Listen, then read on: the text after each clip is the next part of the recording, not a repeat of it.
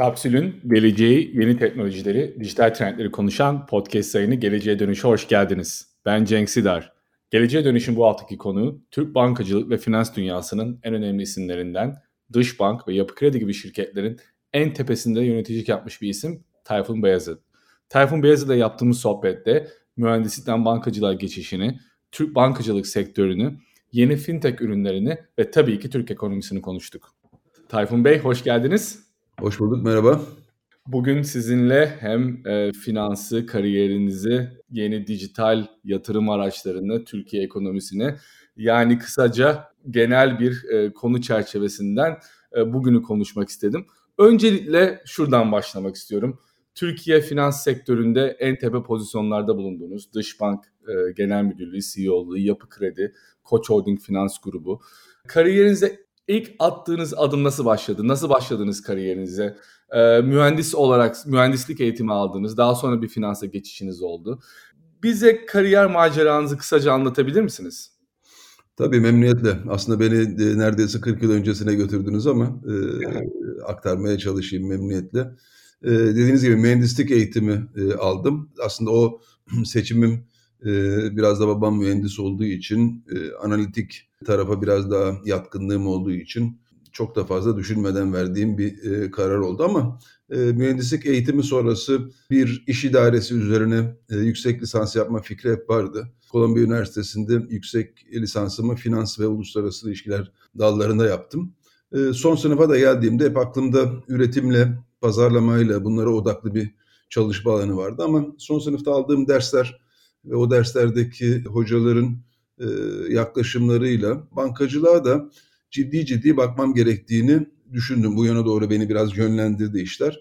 Tabii bu bahsettiğim 80'li yılların başı e, Türkiye'nin çok ciddi dışa açılma açısından bir dönüşüm zamanı, özel e, yılları. Bankacılık açısından da o zamana kadar belki çok cazip bir kariyer yolu olmayan bankacılığın yabancı bankaların gelmeye başlamasıyla, dış ticaret işlemlerinin e, şekillenmeye başlamasıyla biraz daha farklı, biraz daha sofistike, biraz daha teknik bilgi gerektiren alanlarda olması e, aslında beni bankacılık açısından düşündürdü. Türkiye'ye dönüp dönmeme konusunda da Kolombiya'yı bitirdikten sonra çünkü orada bir perakende şirkette çalışıyordum. JCPenney'de şu anda maalesef biliyorsunuz geçen sene bu Covid salgınında son vurduğu darbeyle perakende şirketleri birer birer tarih oldular. JCPenney 100 küsur yıllık tarihine e, son verdi. O arada Citibank bir teklif yaptı. Dedi ki biz Türkiye'de şube açıyoruz. Eğer Türkiye'ye dönmeyi düşünüyorsan e, böyle bir teklifimiz var. E, ben de döndüğümde onu değerlendirdim. Aslında yani ben şunu hep söylüyorum bu konuda yani bunu da inkar etmiyorum ki çok şanslı bir nesilin parçasıyım. Çünkü gerçekten Türkiye'nin çok ciddi bir dönüşüm yaşadığı ve o dönüşüm içerisinde çok hızlı gelişme gösteren bir sektörde ha, bu sektörü seçme konusunda büyüklerimin tavsiyelerini dinleme konusunda kendime kredi alabilirim ama bu neslin şanslı olduğu konusuna da kesin vurgulamam gerekiyor. O yıllarda gerçekten bankacılık önemli bir atılım gerçekleştirdi. İlk önce Citibank'la başladım. Çok sonra çok kısa bir zaman sonra belki bugün içinde pek de mümkün olmayan kısa bir dönemde Yapı Kredi Bankası'ndan Yapı Kredi Bankası'nın hazineden sorumlu genel müdür yardımcısı olarak Hüsnü Özyeğin genel müdürken teklif aldım. O zaman e, ne benim hazine deneyimim ne bankacılık deneyimim e, aslında bu işi yapma açısından çok da belki e, yeterli değildi. Ama e, yurt dışındaki bir takım kuruluşlarda incelemeler yaptım. E, neler olabileceğini, ne yapabileceğimizi e, şey yaptım. Şimdi baktığım zaman hani onun fırsatın bana çok erken geldiğini belki de görüyorum. Ama yani hedefim hep itibarlılığı yüksek olan bir kurumda uyumlu çalışabileceğim bir yönetici kadrosuyla o kurumu nasıl liderliğe taşırız çerçevesinde hep oldu. Ee, bu şansın bana verildiği, bu takımı kurma şansının da verildiği yerleri tercih ettim. Hep hakim hissedarların ki Türkiye'de biliyorsunuz bankalar da dahil olmak üzere birçok kurum, aile şirketleri. Yani ne kadar bankaların biraz daha farklı bir pozisyonu var ülke ekonomisi içerisinde. Ama bu hakim hissedarların o kurum ile ilgili vizyonu nedir, hedefleri nedir? Onları daha iyi anlamaya çalıştım. Ve daha sonra hep yani beraber çalıştığım yöneticilerin e, sadece yetenekli, kendi alanlarında yetenekli yöneticiler olmasını yeterli bulmayıp aynı zamanda tutkulu çalışabilen, uzun zamanlarını dedike bir şekilde, kendini adamış bir şekilde işe odaklanabilen yöneticilerle beraber çalışma şansını elde ettim. Böyle yöneticileri tercih ettim. Olanları daha takım içerisinde korumaya çalıştım. Yani bu şekilde bir yönetim tecrübem oldu bankacılıkta. Yani aslında dış bank çok önemli bir tecrübeydi. Çünkü bankanın hakim hissedarı 2005 yılına gelindiğinde bankayı satmak istedi. Yabancı yatırımcılar geldiler. Gelen yabancı yatırımcılarla ki işi asıl işi bankacılık olan Belçikalı banka ile o kurumun entegrasyonu konusunda çok ciddi tecrübeler elde ettim. Sonra bu tecrübelerimi Yapı Kredi'de bir yabancı ortak ve satın alma sonrası uygulamaya çalıştım. Yani söylediğim gibi aslında Türkiye'deki bankacılık sektörü baktığımız zaman çok ciddi krizler, dalgalanmalar vesaire filan gösterdi ama küresel çapta da baktığımız zaman bu krizlerin hep hayatta var olduğunu görüyoruz. Hatta Citibank'in hayatıyla ilgili geçenlerde bir kitabı bitirdim. O kitabın ön sözünde şunu söylüyor ki Citibank dünyada çok önemli bir banka. Perakende bankacılıkta teknoloji açısından, atılımlar açısından, yenilikler açısından çok farklı şeyleri getirmiş ve çok ciddi bir şekilde evrilmiş olan bir banka. 2008'de çok ciddi bir kriz sonrası kamu desteğine ihtiyacı olan bir banka.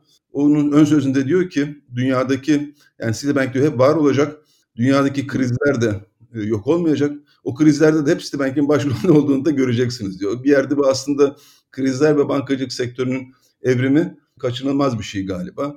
E, tabii finansal krizleri hayatımızdan mümkün olduğu kadar uzaklaştıracak tedbirleri alma yönünde regülatörler gerekli adımlar atıyorlar. Bu konuda sadece ülke regülatörlerinin değil, bankalarda risk yönetiminin sofistikasyonu açısından, kendi öz disiplinleri açısından da çok önemli aşamalar kaydedildi. Bunun da ötesinde e, bu e, G7 gibi, G20 gibi platformlarda iyi kurumsal yönetim ilkeleri e, açısından bankaların riskleri nasıl yönetmesi gerektiği, yönetişimlerin nasıl olması gerektiği, yönetim kurullarının, denetim sistemlerinin, risk yönetiminin nasıl olması gerektiği konusunda da çok önemli şablonlar, kıstaslar, asgari sermaye yeterlikleri vesaire gibi konular ve bunlar giderek çok sofistike hale de geldi.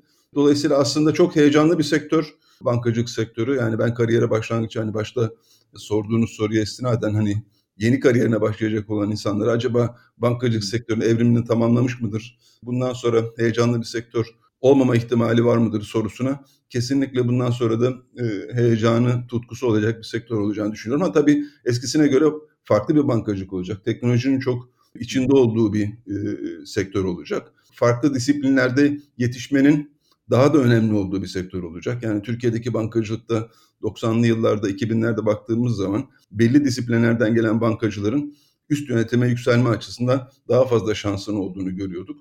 Ama şimdiki dönemde teknolojiyi iyi bilen, operasyonu iyi bilen, hazineyi iyi bilen, pazarlama konularını iyi bilen insanların ancak üst e, yönetimlere gelme şansının olduğu daha e, multidisipliner, daha farklı disiplinlerde becerilerin yetiştirildiği ama bunun da ötesinde iyi yönetici olmanın da öne çıktığı bir e, durum ortaya çıkacak diye düşünüyorum. Peki Tayfun Bey, yapısal olarak uygun bir zemin olduğundan bahsettiniz. 80'lerde Türkiye'nin hem belki o dönemde Özal'la gelişen dönüşüm süreci, işte dünyaya adaptasyon vesaire gibi. E, bugün e, bankacılık sektörü halen hani Türkiye'nin en önemli, önde gelen endüstrisinden, sektörlerinden bir tanesi hala birçok insan, birçok genç mezun bu alanda çalışmaya başlıyor. Gelişen de bir alan. Bunu da soracağım biraz sonra. Teknolojiyi benimseyen, teknolojik gelişmeleri hatta dünyadan da önce adapte edebilen bir alan. Fakat şunu sormak istiyorum. Bugün bankacılık ya da finans sektörüne e, adım atmak isteyen yeni mezun gençlere neler önerirsiniz? Demin biraz bahsettiğiniz multidisipliner yaklaşımın öneminden vesaire. Ee, bir de belki şuradan başlasa daha ilginç olur. Siz 40 e, sene önce kariyerinize adım attınız ve e, çok başarılı bir e, finans bankacılık kariyeri, en tepe notlarda görev yaptınız.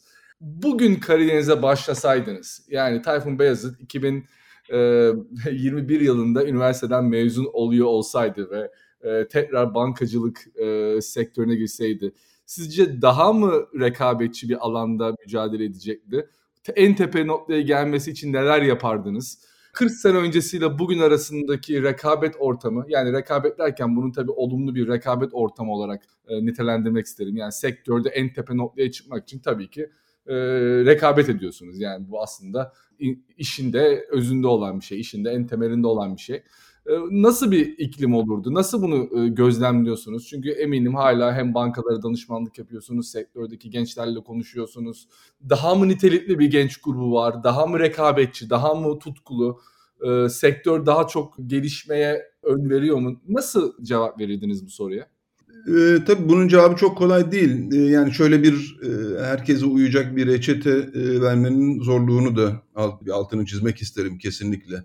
Benim öncelikli tavsiyem ki benim hep e, hedefim bu oldu. Yani herhangi, herhangi bir hiçbir zaman bankacılıkta yükselme, tepe pozisyona gelme vesaire yani mevkiyle ilgili bir hedeften daha ziyade yeni mezunların psikolojisini çok iyi anlıyorum. Ben de Columbia Üniversitesi'ni bitirdiğim zaman, geldiğim zaman Türkiye'de herhangi bir bankanın genel müdürlüğünü 6 ay içerisinde yapabileceğim gibi kendime özgüvenim o kadar gelişmiş bir şekilde okuldan çıktım. Bu özgüvenin olması iyi bir şey ama e, önemli olan mevki değil. E, yani okul bir disiplin veriyor, bir belli konularda bir altyapıyı oluşturuyor. Ama onun ötesinde gerçekten çok ciddi evrilen bir dünya var önümüzde. Yani bugün e, en azından şu e, pandemiyle ilgili konuda baktığımız zaman iki sene önce neler konuşuyorduk, bugün neler konuşuyoruz. Ben mesela çok enteresan bir şekilde e, Şubat ayının sonunda bu IB okullarının bir kulübü var. Orada arkadaşlar çağırdılar konuşma yapmak üzere. Tam da böyle pandeminin Çin'de başladığı zamandı. Dünyaya ne kadar evrileceği belli değil. Adının adının pandemi konduğu bir zaman değil. Salgının Çin'de başladığı bir zaman. Önümüzdeki risklerle ilgili biraz düşünüp biraz ufuk vermeye dinleyicilere çalıştım. Ee, hatta geçen hafta e, sizin podcastinize misafir olan e, Büyükelçi Namık'tan da orada vardı. O da hatırlayacak gayet iyi. Bu riske özellikle altını çizdim. Özellikle Marsh McLennan'ın da hazırladığı küresel riskler raporunda da vardı bu. Bambaşka bir dünya yarattı önümüzde. Belli gelişmeler mesela teknolojiyle ilgili alakalı biraz önce bahsettiğiniz dünyamızda zaten vardı. Perakende kuruluşların online yönelmesi konusu zaten vardı. Ama mesela bu pandemi e, ve onun arkasından gelen süreç o kadar önemli bir kırılma yarattı ki orada.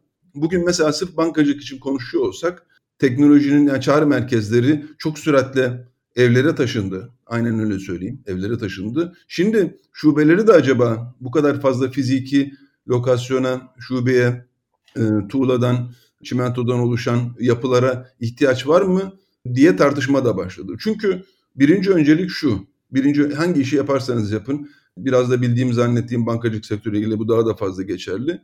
Müşteri ihtiyaçları ne? O müşteri ihtiyaçlarını biz nasıl en süratli bir şekilde en ehven koşullarda sağlayabiliyoruz. Sonuçta çünkü bu işi yapan bankalar birer aracı kurum. Yani bunlar bankalara ekonominin do- doğru çalışması için, şartların çalışması için e, sadece tasarrufları toplayıp kredi vermekle ilgili sınırlı değil varlık yönetimiyle ilgili risk yönetimiyle kendileri içinde, müşterileri içinde e, yapmak zorundalar. Dolayısıyla burada e, şartlar çok süratli değişebiliyor.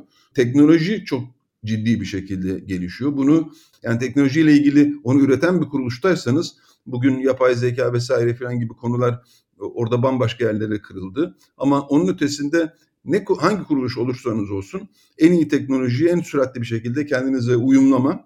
Bu sayede de hem iyi yönetme kendi kuruluşunuzu hem de müşteri ihtiyaçlarını süratle karşılama yönünde bir şeyler yapmanız lazım. Dolayısıyla yani yeni e, nesile, yeni gelecek olan mezunlara bir kere zihinlerinin son derece açık olmasını tavsiye ediyorum. Bir yerde aslında bizim neslimize göre yani bizim şanslı bir nesil olduğumuzu, önemli bir dalganın başında bu işe girme açısından şanslı olduğumuzu söyledim. Ondan vazgeçmiyorum. Ama bu neslin de şanslı olduğu konu e, bilgiye, veriye, e, gelişmelere erişim açısından önlerinde çok umman bir imkan var. Ee, bugün dünyanın neresinde hangi tip teknoloji hangi işlerde kullanılıyor, hangisi başarılı olmuş, hangisi ne ölçüde finansman sağlayabilmiş, ne kadar değer katmış, o değeri katarken hangi adımları atmış, onları yapmak için neler yapmak lazım, iyi bir fikriniz varsa e, geliştirmiş olduğunuz ürünler varsa, anlayıp kavramaya çalıştığınız alanlarda geliştirdiğiniz bir şey varsa bu finans sektöründe olsun veya başka sektörlerde olsun. Artık biliyorsunuz business school'larda, işletme fakülteleri de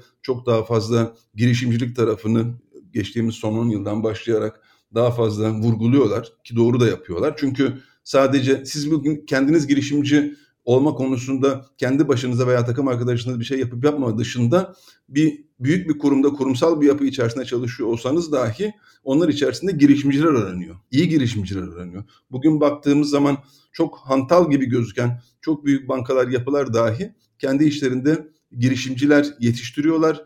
E, yetiştiremiyorlarsa o girişimleri yapanlarla işbirliği içerisinde oluyorlar. Onları adapte etmeye çalışıyorlar. Dolayısıyla bir yani benim yeni işe başlayacak veya başlamış kariyerinin ne olduğunda birazcık kafa karışıklığı olan insanlara tavsiye edeceğim tek şey öğrenme eğrisini mümkün olduğu kadar dik tutacak kadar açık olmaları, belli alana sıkışıp kalmamaları, o alanda e, belki o alanın geleceğiyle ilgili sorunlar olabilir, rekabet son derece yoğun olabilir. Dolayısıyla çok açık bir zihinle kendi becerilerini, yeteneklerini hangi konularda kullanılabileceği konusunda geliştirmeli. Ben çok başarılı bankacıların daha sonra kurumsal sektörde çok başarılı finansçılar olduğunu gördüm, pazarlamacılar olduğunu gördüm. Bunun tersi olan yapılar da e, var. Yani bugün baktığınız zaman birçok e, finansal kuruluşun başında aslında başlangıcı finans kurumlarında olmayan başka insanlar da var. E, bu özellikle disiplin farklılıkları aslında önemli altyapı açısından bir zenginlik de. Dolayısıyla açık olmak lazım. Daha fazla bilgiyi bugünün şartlarında kullanabildiğimiz bilgileri kullanabilmek, değerlendirebilmek lazım. Ama onun ötesinde şunu unutmamak lazım. Bir hizmetlere, bir takım ürünlere ihtiyacı olan insanlar var. Bu insanlar bunlara en süratli bir şekilde erişmek istiyorlar. En ehven bir şekilde erişmek istiyorlar. Teknoloji de bu açıdan müthiş fırsatlar sunuyor. Bunun için en iyi teknolojiyi gayet iyi anlamak, onun hangi uygun teknolojinin e, neye kullanma konusunda yeteneklerin kullanması lazım vesaire gibi konulara daha fazla odaklanmak lazım. Yani bu açıdan baktığım zaman artık finans sektörünün de sadece finans olmadığını, onun alt bileşenlerinin de teknoloji, operasyon, pazarlama vesaire gibi konular olduğunu daha fazla görüyorum. Teknolojiye değinmişken size şunu sormak istiyorum. Yani Türkiye özel sektörünün belki de e, hani amiral sektörü diyebileceğimiz telekomünikasyon ve bankacılık, finans sektörleri 90'lardan itibaren teknolojik gelişime çok iyi adapte oldu. Ben bunu yaşadığım e, ülkelerdeki bu sektörlerle Türkiye arasındaki farkı çok yakından karşılayarak gördüm. İtalya'da, Amerika'da. Örneğin e, neredeyse 90'ların sonundan itibaren, 2000'lerin başından itibaren ki yanılıyorsam düzeltin Türkiye'deki internet bankacılığı e, oluşmaya başlamıştı. Ben o dönemde hatırlıyorum internet bankacılığını e, EFT vesaire yapmak için kullandığımı. E, mesela Amerika'da bile e, ben bunu 2008'lerden 2009'lardan sonra internet bankacılığı daha yaygın olarak kullanılmaya başladı. Tabii en fazla şaşırdığım konu da hala Amerika'da dial-up internetin olmasıydı. Pennsylvania gibi eyaletlerde onlarda hani biz herhalde dial-up interneti 1998'de falan terk etmiştik Türkiye'de.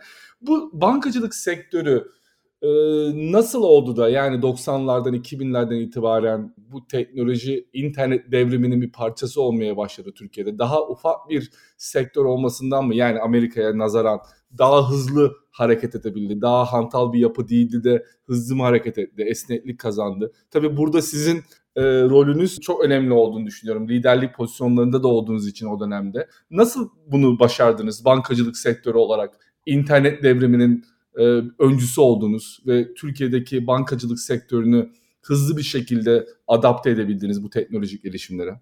Valla benim aklıma o konuda gelen üç tane hemen aklıma gelen üç tane ana unsur var. Birincisi şöyle bir avantajı oldu Türk bankacılık sektörünün, finans sektörünün. Türk bankacılık sektörü nispeten yeni gelişen, daha sofistikasyonu e, yüksek olmayan yapılar olduğu için daha önce kurulmuş olan büyük bankaların hantal altyapılarına sahip olmadılar. Bu hmm. hantal altyapılara sahip olmadıkları için en yeni teknolojiyi süratli bir şekilde adapte edip yeni teknolojiyle ivme sağlayacak bir yapıyı kurma esneklikleri oldu. Birinci büyük avantaj bu. İkinci büyük avantajımızın genç nüfus olduğunu düşünüyorum. Bu yaşlı nüfuslarda özellikle yönetici yaşı, orta kademi, müşteri segmenti açısından da baktığınız zaman olduğu zaman bu biraz daha zor. Ama hem yöneticiler genç, hem müşteriler genç. Dünyadaki teknolojiyi takip eden, teknolojiyi kullanma açısından süratle uyum gösterebilen bir yapıda olunca e, biraz daha biz bunu süratli olarak gerçekleşebildik. Çünkü bunun ikisinin de bir arada olması lazım. Hem o teknolojiyi anlayabilecek esneklikte, vizyonda olan yönetim olması lazım. Hem de bunu kullanacak müşteri kitlesi olmak lazım. Ama o müşteriye bunları nasıl tanıtacaksınız? E, eski ürünler yerine bunları nasıl getireceksiniz? Bu kısmı da biraz daha kolay. Çünkü müşteriye bir işi daha kolay şartlarda, müşterinin hayatını kolaylaştırma anlamında e, bir şeyler sunduğunuz zaman e, bunları öğrenme, kullanma açısından daha kolay uyum sağlayabiliyor. Dolayısıyla bu gençliğin önemli olduğunu düşünüyorum. Bir üçüncü hemen aklıma gelen konu da rekabet. Yani baktığımız zaman birçok özellikle mesela Avrupa ülkelerinde bu baktığım zaman ülkelerde büyük iri bankalar var. Bu bankaların müşterilerle ilişkileri konusunda müşterilerin ne şekilde neleri talep etmeleri konusunda daha dikte edici bir pozisyonları var. Bizde ise özellikle küçük orta boy yeni kurulan bankalar, sektöre giren yeni yabancı e, yatırımcılar vesaire falan e, rekabet açısından o kadar önemli bir e, unsur oldular ki e, burada rekabet aslında daha sağlıklı bir yapıyı e, ortaya çıkardı. Bunu müşteri hizmetleri açısından daha fazla söylüyorum. Yani biraz önce bahsetmiş olduğunuz internet bankacılığı, e, ödeme sistemleri, altyapıları, e, müşterilere, e, şubelere gelip saatlerce kuyrukta bekleyip bir çok basit bir işlemi daha yapma konusunda bekletme vesaire konuların alternatifi olarak sunulabilen e, daha süratli yapılar. Yani fiziki olarak şubede yapılsa bile bunu süratli sağlayabilecek yapılar vesaire falan açısından da bence rekabet bu işi körükledi. Yani bu üç unsur aslında bizde belki normal şartlarda e, bizim gel- bankacılığımızın gelişmişlik düzeyi daha yüksek olsaydı, daha monopolistik bir e, rekabet yapısı olsaydı nüfusumuz da daha yaşlı olsaydı bu kadar süratli olmayabilirdi. Ben bu üç unsurun çok önemli bir rol oynadığını, yani bu açıdan bizde de ivmelenme açısından önemli katkıları olduğunu düşünüyorum. Peki Tayfun Bey, internet devrimini yakalayan bir Türk bankacılık ve finans sektöründen bahsettik. Fakat artık yeni bir devrim oluyor. Yapay zeka, blockchain gibi e, yeni gelişmekte olan teknolojiler de hem bankacılık sektörü hem diğer sektörlerde rakip unsurların, rakip şirketlerin, rakip e, startupların ortaya çıkmasını sağlıyor. Örneğin Amerika'da özellikle lending alanında yani kredi alıp verme konusunda daha sonra işte gene para biriktirme, e, yatırım danışmanlığı vesaire gibi konularda da e, ortaya çıkan böyle ufak ama hızlı gelişen startuplar var.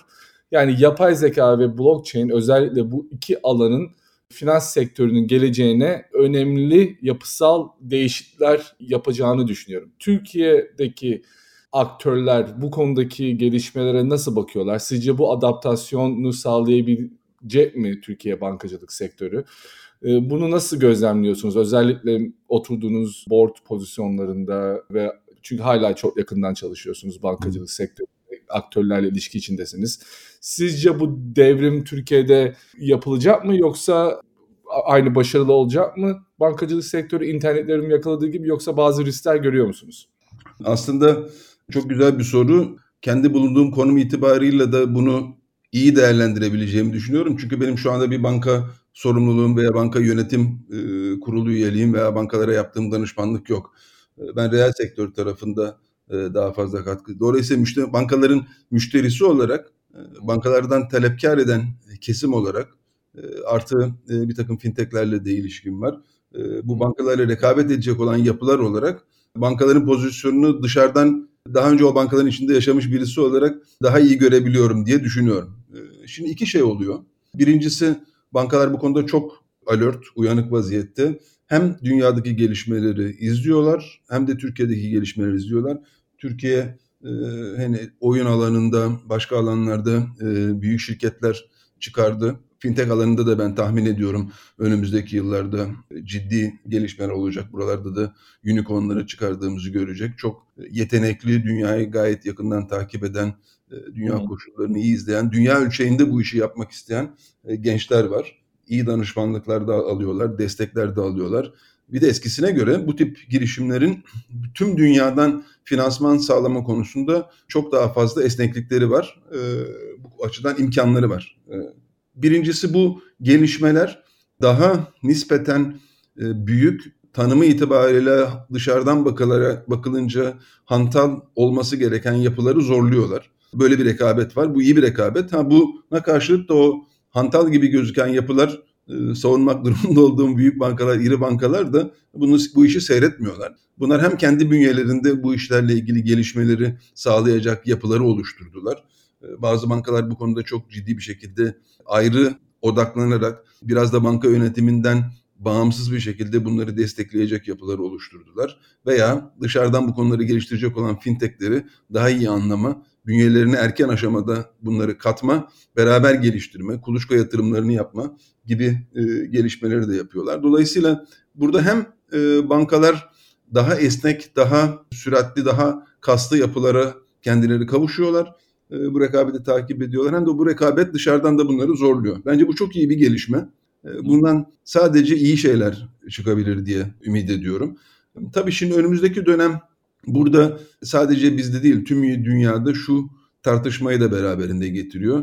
Bankacılık sektörü yakın regüle edilen bir sektör. Yaşadığımız krizler biraz önce bahsettiğim gibi bankaların risk yönetimi açısından hatta en ince teknoloji yönetimleri açısından teknolojilerindeki açıkları açısından siber güvenlik konusu hele hele bu pandemi sonrası hele hele çok daha fazla bizim bu online kanalları tercih etmemiz, müşterilerin tercih etmesi sonrası çok önemli hale geldi. Bu açıdan da regülasyon biraz daha vidaları sıkıyor ama bir öte yandan da bu yapılar bir kısmı e, regüle edilen, bir kısmı regüle etmesi dahi çok zor, e, yakalaması çok zor yapılar e, esneklikleri sayesinde bu işleri zorluyorlar. Bence burada bir takım dengeler bulunmaya çalışılacak. Burada bir takım rekabet alanlarında nelerin daha fazla gelişebildiğini, nelerin bir takım regülasyon engelleriyle karşılaştığını, karşılaştıkları engellerin müşteri ihtiyaçları açısından mı yoksa tüm finansal sistemin sağlığı açısından mı olduğu konusu çok tartışılacak. Şimdi şunu deme lüksümüz yok. Ya burada bir rekabet olsun. İnsanlar bildikleri gibi bu işleri yapsınlar. istedikleri gibi geliştirebilsinler. Çünkü bankacılık sektörü sistemik risklere açık bir sektör. Yani bankacılık sektöründe olan hataların bedelini biz bunu kendi içimizde yaşadığımız krizlerde de gördük. En yakın zamanda 2000 yılında gördük. Yani biz gayri safi hasılamızın %30'u 40'ına yakın bir maliyeti, bir bedeli, bir faturayı bankacılık sektöründeki problemler yüzünden ödemek zorunda kaldık. Bunu ödeyecek olan vergi ödeyenler sonuçta. Yani devletler ödüyorlar. Bankacılık krizlerinin her ne kadar sermayedarlardan mümkün olduğu kadar bunlar tahsil edilmeye çalışıyorsa da kamuya ait olan bir maliyet olarak bu ortaya çıkıyor. Dolayısıyla bankacılık sektörü ne hali varsa görsün serbest bırakalım, istediklerini yapsın veya bankacılık sektöründe oynayacak olan oyuncular tamamen serbest hareket edebilsin deme lüksümüz yok. Bu sistemik riskleri de kontrol ederek e, regülatörün ama öte yandan da biraz önce söylediğim gibi gelişmelere de açık bir şekilde, küresel rekabete de açık bir şekilde e, bu işe odaklanması lazım. Bugün baktığımız zaman dünyadaki büyük finansal kuruluşların hala 2008 küresel finansal kriz sonrası yaralarını tam olarak saramadıklarını, birçok açıdan e, hala sorunlu kredilerle ilgili, sermaye yeterlilikleri ilgili konularla ilgili e, sofistikasyonun artmış olması, bu konuda regülatörlerin bunları ölçümüyle ilgili önemli gelişmeler sağlanmış olmasına rağmen sektörün tam kapasiteyle özellikle kredi verme fonksiyonu açısından yapması gereken işlevi pek yerine getiremediğini görüyoruz. Ha bunun üstüne bir de e, bu pandemi sonrası ekonomilerin kitlenmesi sonucu aşırı likidite salınması sisteme geldi. E, bu da e, ciddi bir şekilde e, faizleri düşük tutuyor. Birçok ülkede bugün baktığınız zaman e, negatif bu faizler. Hatta çok e, enteresan bir şekilde e, geçen hafta Asaf Hoca e, bundan bahsetmişti Twitter'da. Yani Almanya hükümeti geçen sene negatif faizde borçlanabildiği için bütçe fazlası verdi. 7 milyar euro gibi bir rakam. E, yani faizlerin negatif olması aslında birçok ezber bilinen konularda ilgili de e, şeyleri değiştirdi. Ha bu ne zaman bu pandemi ile normale dönüşme olacak, sonrasında dönüşme olacak. Bu parasal genişleme ne şekilde büyük bir enflasyon yaratmadan sistemden çekilebilecek vesaire gibi unsurlar da var ama onları karıştırmadan yani şu anda bizim içinde bulunduğumuz sistemin teknoloji, e, bu finansal e, teknoloji kuruluşlarının gelişmesi, bankacılık sistemi bunun adaptasyonu açısından çok tatlı güzel bir rekabet yaşadığını görüyorum. Bunun açılımını bundan sonra daha büyük bize risklere maruz bırakmadan e, yönetilmesi konusunda da regülatörlere, daha büyük uluslararası kuruluşlara denetimi açısından e, bu işlerin e, görevde düşecek önümüzdeki dönemde. Burada önemli gelişmeler oluyor, süratli oluyor. bunların ne şekilde gelişeceğini hep beraber göreceğiz. Şu anda aslında çok yani bunlar şuraya doğru evriliyor. 3 sene sonra böyle bir dünya göreceğiz diye bir kestirme yapmanın çok zor olduğu bir dönem işteyiz galiba. Hızlıca 3 tane soru sormak istiyorum. Öncelikle fintech alanında hangi alt kategorilerin e, hızlı bir şekilde büyüyeceğini öngörüyorsunuz hem Türkiye'de hem dünyada? Bence e, ödeme sistemleri konusu önemli. Burada yani şu anda tabii internet bankacılığı, EFT altyapıları, küçük orta boy işletmelerin e, ödemeleri, tahsilat sistemleri vesaire filan gibi e, özellikle konularda çok önemli aşamaları hem bankacılık sektörü, sektörü gerçekleştirdi hem de finansal teknoloji kuruluşları bunu yaptılar. Tahsilat alanında önemli bir şu anda e, yani bu sadece Türkiye için küresel bir sorun. Ciddi bir sorunlu kredi birikimi var. Bu sorunlu kredi birikimi ülkeden ülkeye farklılık gösteriyor. Dolayısıyla bu sorunlu kredilerin banka bilançolarından ayıklanması, bu konudaki tahsilatın hızlandırılması, sektörün sağlıklı gelişimi açısından çok önemli. Çünkü bu sektörün üzerinde sorunlu kredi yükü ağırlığı olduğu zaman bunu Avrupa'da 2008'den beri görüyoruz. Yani Avrupa'daki belli başlı ülkelerdeki özellikle Akdeniz Havzası'ndaki birkaç ülke mesela sorunlu kredinin yüksekliği nedeniyle o sektörünün bir türlü toparlanamadığını gördük. Çünkü neden? Bunların birincisi sorunlu, sorunlu kredi olduğunu tanımlama konusunda ciddi zorluklar yaşadılar. Tanımadıktan sonra dahi bunları ne yapacakları konusunu halledemediler. Ya bunun tabii istihdam boyutunda çok farklı etkileri var vesaire. O kadar da kolay hani neşter vurulup çözülecek konular değil. Ama bu tahsilat sistemleri ile ilgili konuda ben önemli gelişmeler olacağını fintechlerde düşünüyorum. Yine ödeme sistemleri vesaire gibi konularda da hayatımız çok kolaylaştıracak şeylerin olacağını düşünüyorum. Dijital paralar muhakkak çok önemli. Ee, yani burada işte bazı argümanlar var. Deniyor ki bu dijital paraların çok süratli gelişmesi, işte kara para aklamaya vesaire filan. E, normal para sistemleriyle gördüğümüz fiziki parayla da bu kara para aklama işi var. Yani bu sorun zaten bir türlü kutulanması gereken, adres edilmesi gereken bir konu. Ama e, bizim çok yakın zamanda elimizdeki bu mobil araçlarla e, çok süratli ödeme sistemleriyle ilgili işlerimizi yapabildiğimiz, varlıklarımızı yönetebildiğimiz sistemleri göreceğiz. Zaten bunları görüyoruz. Belki bunları şu andaki yapılarından çok daha farklı, çok daha e, zaman tanımayan, sınır tanımayan, süratle yapılabilen işler olduğunu göreceğiz. Dolayısıyla bu fintech'in her alanında ben önemli gelişmeler olacağı konusunda e, kesin iknayım.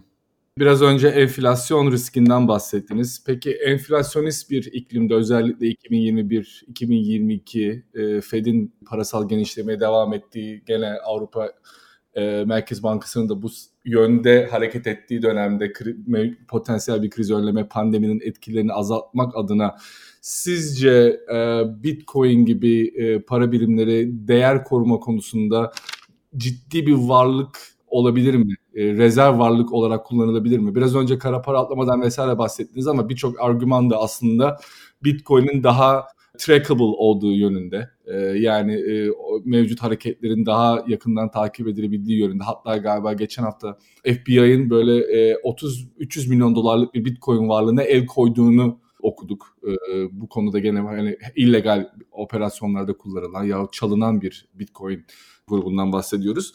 Sizce Bitcoin önümüzdeki 10 sene içinde artık müesses nizam bir yatırım aracı ya da yatırım koruma aracı olacak mı? Ve bununla beraber merkez bankaları e, önümüzdeki dönemde sizce e, dijital para yaratma modelini benimseyecekler mi? Ve bu konuda ilk hareket eden Merkez Bankası belki de ciddi bir e, avantaj sağlayacak. Sizce Türkiye Merkez Bankası bu konuda önce olup e, bir adım atmalı mı? Ne dersiniz e, bu şekildeki bir dijital para, Bitcoin yahut benzeri dijital para birimleri konusunda?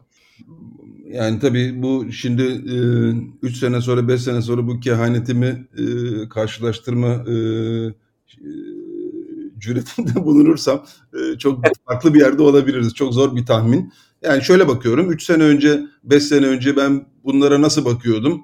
E, bugün nasıl bakınıyorum? 3-5 sene öncesine göre çok farklı bakıyorum. 3-5 sene öncesinde daha e, tradisyonel muhafazakar e, sistem içerisinde yetişmiş bir bankacı olarak e, bunların çok şansı olamayacağını, bunların da gelip geçici hayaller olduğunu, belki yerleri olsa dahi rezerv para olma konusunda hiç şansları olmadığını düşünüyordum. Bugün hala rezerv para olma konusunda çok şansları olduğuna ikna olmuş değilim. Çünkü rezerv para olmak o kadar kolay olmuyor. Hadi rezerv para olalım denince olmuyor. Dünyada bunu doların, euronun özellikle baskınlığını ortadan kaldırmak için çok ciddi denemeler geçtiğimiz 10 yıllarda oldu. Önümüzdeki dönemde de olacak. Tabii bir Çin faktörü var. Yani Çin bu konuya çok ciddi yatırım yapıyor. Çok ciddi odaklanmış durumda. E, Çin ekonomisi de pek yakın bir zamanda dünyanın liderliğini alacak gibi gözüküyor. Tabii ki önümüzdeki e, Biden döneminde nasıl bir yaklaşım olacak, Avrupa ile Amerika ilişkileri nasıl akışacak, dış diğer dünya. Şimdi bir de ayrıca e, Doğu dünyasında da bir önemli bir işbirliği e, söz konusu. Eskisine baktığımız zaman çok daha farklı olarak yaklaşımlar var. Yani buradaki topografya nasıl gelişecek? Şu anda kestirmek gerçekten güç dijital paraların hayatımızda önemi olacak. Şu anda olduğundan çok daha fazla olacak bence. E, ama bunların hemen atlayıp üzerine çok yakın bir zamanda bir rezerv para olması e, olma ihtimalinin ben hala çok yüksek olmadığını düşünüyorum. Bunları biraz daha regülatörlerin daha iyi anlaması, bunların açıklarını e, deliklerini tıkama konusunda biraz daha e, proaktif olmaları önümüzdeki süreçte yaşayacağımız işler olacak gibi gözüküyor bana. Ama şu bir gerçek ki yani olayın tüm yani ticaret açısından, para alışverişi açısından, ödeme sistemleri açısından dijitale döneceği ve çok süratle döneceği yani tahmin ettiğimizden de çok süratle döneceği e, kesin. E, bizim de tabii bunun dışında Türkiye olarak kalmamız mümkün değil. Ha bu konuda bir liderlik üstlenebilir miyiz? Böyle bir liderliğe soyunabilir miyiz? Onu şu anda bilemiyorum. Şu anda bizim ekonomimizle ilgili halletmemiz gereken e, önemli konular var. E, dış ilişkilerimizle ilgili halletmemiz gereken konular var. O konuları odaklanıp çözdüğümüz takdirde neden olmasın? Ama buradaki dönüşümü, dünyadaki dönüşümü, işbirliklerini, coğrafi işbirliklerini çok yakından takip etmemiz gerektiği de çok açık. Çünkü ticaretin nereye evrileceği, o ticaretin içerisinde bunun ne rol oynayacağı gibi unsurlar ortaya çıkacak. Yani finans dünyası kendi başına yaşayan bazen bankacılar olarak biz de o yanılgıya kapılıyoruz. Kendi başına yaşayan bir şey değil. Sonuçta baktığınız zaman bankalar, aracı kurumlar tasarrufları topluyorlar, ihtiyacı olanlara sağlıyorlar. Artı ödeme sistemleriyle ilgili hayatı kolaylaştırıcı işler yapmaya çalışıyorlar. Burada teknoloji çok çok önemli bir rol oynadı şu ana kadar. Bundan sonra da oynamaya devam edecek. Bunun ne şekilde gelişeceği konusunda hepimiz hayalimizi önümüzdeki dönemde zorlayacağız gibi gözüküyor. Son olarak size sormak istediğim konu tabii ki e, Türkiye ekonomisi. Bu noktada bankacılık sektörü e, Türkiye ekonomisinin kalbi. Yıllardır biraz önce de bahsettik. Ekonomik krizler, finansal krizler, işte e, Amerika'da çok konuşulan Wall Street, Main Street yani gerçek işletmelerin yaşadığı krizler, finansal sektörün yaşadığı krizler ama sonuçta bunlar birbirine tabii ki bağlı. Özellikle Türkiye gibi e, ekonomilerde, e, COBİ'lerin ana e, dinamo olduğu ekonomilerde e, bunun daha da önemli olduğunu görüyoruz. Size sormak istediğim soru mevcut iklimde e, ve yaşanıda yani dünyada da tabii bir e, ciddi bir ekonomik aslında e, kriz yaşanma ihtimali yüksek pandemi sonrası bu hani her ne kadar küresel borsalar olumlu yönde hareket etse de Amerika'da geçtiğimiz dönemde vesaire hani bunun bir e, bubble olduğu yönünde de ciddi iddialar var. Hani büyük bir ekonomik krizin dünya için yaklaştığını iddia eden bazı makroekonomistler var. E, Türkiye'nin bütün bunların haricinde kendi sorunları var. Hem e, makroekonomik olarak, finans olarak özel sektörün dış borcu olsun, işsizlik olsun, e, e, enflasyon konusunda tabii özellikle son dönemde gıda fiyatlarının artması, dolar, TL kuru vesaire gibi konular. Önümüzdeki 2000 çok uzağa gitmeden 2021 yılını nasıl görüyorsunuz? Sizce Türkiye'de ciddi bir ekonomik sıkıntı dönemine giriyor muyuz? Girdik mi? Zaten içinde miyiz belki de? ya da bu ekonomik krizin sosyoekonomik siyasi etkileri nasıl olabilir? Biliyorum çok uzun yanıt verilebilecek sizden 2-3 dakikalık bir özet rica edeceğim. Vallahi bunu 3 dakikaya sığdırabilsem başka hayatta bir şey istemem gerçekten ama yani zor bir dönemeçte olduğumuz kesin. Aslında dünya zor bir dönemeçte. Bundan kendimizi soyutlamamız mümkün değil.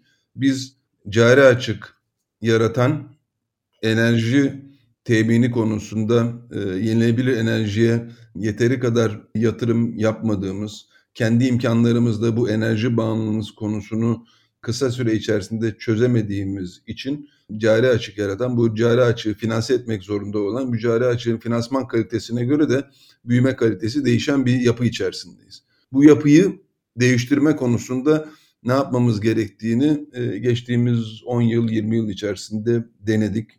Başarılı adımlar atarak bu konuda e, tercihlerimizle daha doğru yönlere yöneldiğimiz zamanlar olduğu zaman zaman bu hedeflerden saptığımız biraz da konjonktürün e, gerektirdiği, siyasi iklimin gerektirdiği çerçeve içerisinde saptığımız zamanlar oldu. Ha şimdi bunun üzerine tabii çok farklı bir şey geldi. Yani bütün dünyanın Türkiye'nin de e, içinde bulunduğu şekilde içine kapandığı, ticaret kanalları kapanmamış olsa dahi e, üretim açısından, ulaşım açısından, istihdam açısından bunun çok ciddi tesirlerinin olduğu e, bir pandemi sürecini e, yaşadık, yaşıyoruz. İnşallah e, bunun e, düzlüğe çıkış zamanına geldik.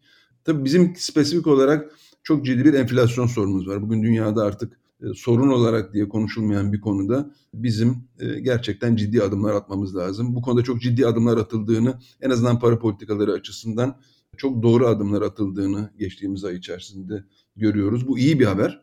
E, ama bu yeterli değil henüz. Yapılması gereken bir adımdı ama yeterli değil. Bunu arkasından sağlıklı bütçe politikaları ile desteklememiz lazım ve bu cari açığımızın finansmanı, dış e, açığımızın finansmanı açısından da hem e, rezervlerimizi daha sağlıklı seviyelere yükseltme e, hem de finansmanı temin etme konusunda kredibilliğimizi arttırıcı adımlar atmamız gereken bir dönemdeyiz önümüzde. Bu çok kolay olmayacak çünkü baktığımız zaman bulunduğumuz konum, seçenekler, uluslararası konjonktür her şeyin en idealini sağlama açısından doğru bir zaman değil. Hani öyle zamanlar oldu ki biz kendi içimizde yaratmış olduğumuz mesela 2000 e, senesi çok gerçekten artık sürdürülemeyecek kamu açıklarının öncelikle kamu bankaları ve de özel bankalar tarafından taşındığı bir dönemin artık taşınamayacağı yerde, kırıldığı yerde yaptığımız reformlarda dünyada paranın bol olduğu, finansmanın çok olduğu, gelişmekte olan piyasalara teveccühün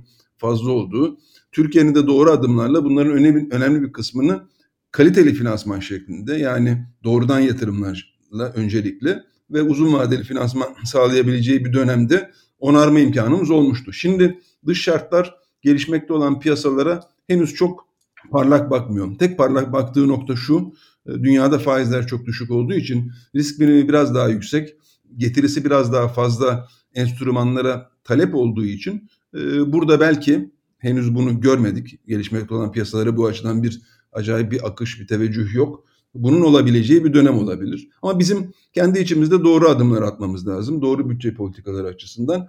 Belki bunu çok kısa vadeli her şeyi tamir edebilme imkanı olarak değil, kısa vade yap, yapıp onarmamız gereken işler, orta vadede toparlamamız gereken konular olarak ikiye ayırmak lazım.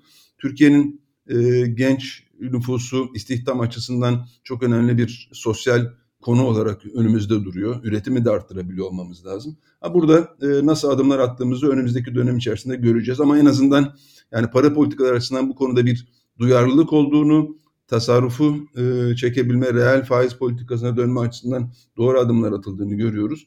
Bunun bütçe politikaları olarak da birlikte desteklendiği zaman daha iyi yerlere geleceğimizi görüyoruz. Tabii yani ekonominin sağlıklı ve sürdürülebilir büyümesi önemli. Yani biz çok büyük bizim potansiyel büyümemiz, ekonomimizin büyümesi yüzde beşlerde, beşlerin üzerinde işte ekonomistlerin hesapladığı bir potansiyel büyümemiz var. Bunu realize etmek, sürdürülebilir olarak realize açısından e, bunun altyapısını oluşturmamız son derece önemli hale gelecek. Hem uluslararası konjonktürün buna ne derecede imkan sağladığı hem de bizim burada ne doğru adımlar attığımızın ikisini beraber değerlendirmek gerekecek galiba ekonomi sağlığı açısından önümüzdeki dönemde. Tayfun Bey çok teşekkürler. Dolu dolu bir sohbet oldu. Umarım eminim dinleyen genç arkadaşlarımız, genç profesyoneller de sizin bu tecrübelerinizden oldukça faydalanacaklardır. Çok teşekkür ederim. Ben teşekkür ederim misafir ettiğiniz için.